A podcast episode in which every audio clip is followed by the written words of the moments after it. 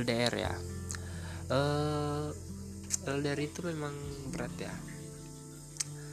Dari 100% 95% itu nggak berhasil. Dan 5 persennya itu gagal. Artinya apa? Bahwasanya elder itu sebenarnya sangat sulit. Karena menjaga perasaan orang lain itu benar-benar susah. Terkecuali itu sudah diniatkan dan memang ada yang namanya komitmen. Dan memang bakal banyak rintangan yang kita hadapi bakal banyak orang-orang yang selalu mencoba mendekati kita mencoba mendapatkan kita walaupun mereka tahu kita sedang punya pacar.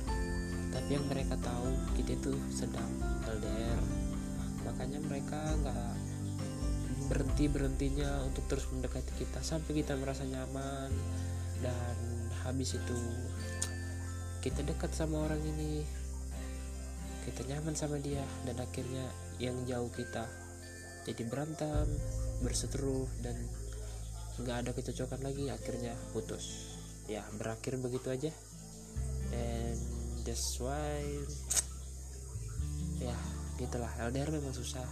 Tapi balik lagi bagaimana dari diri kita masing-masing memegang teguh yang namanya komitmen.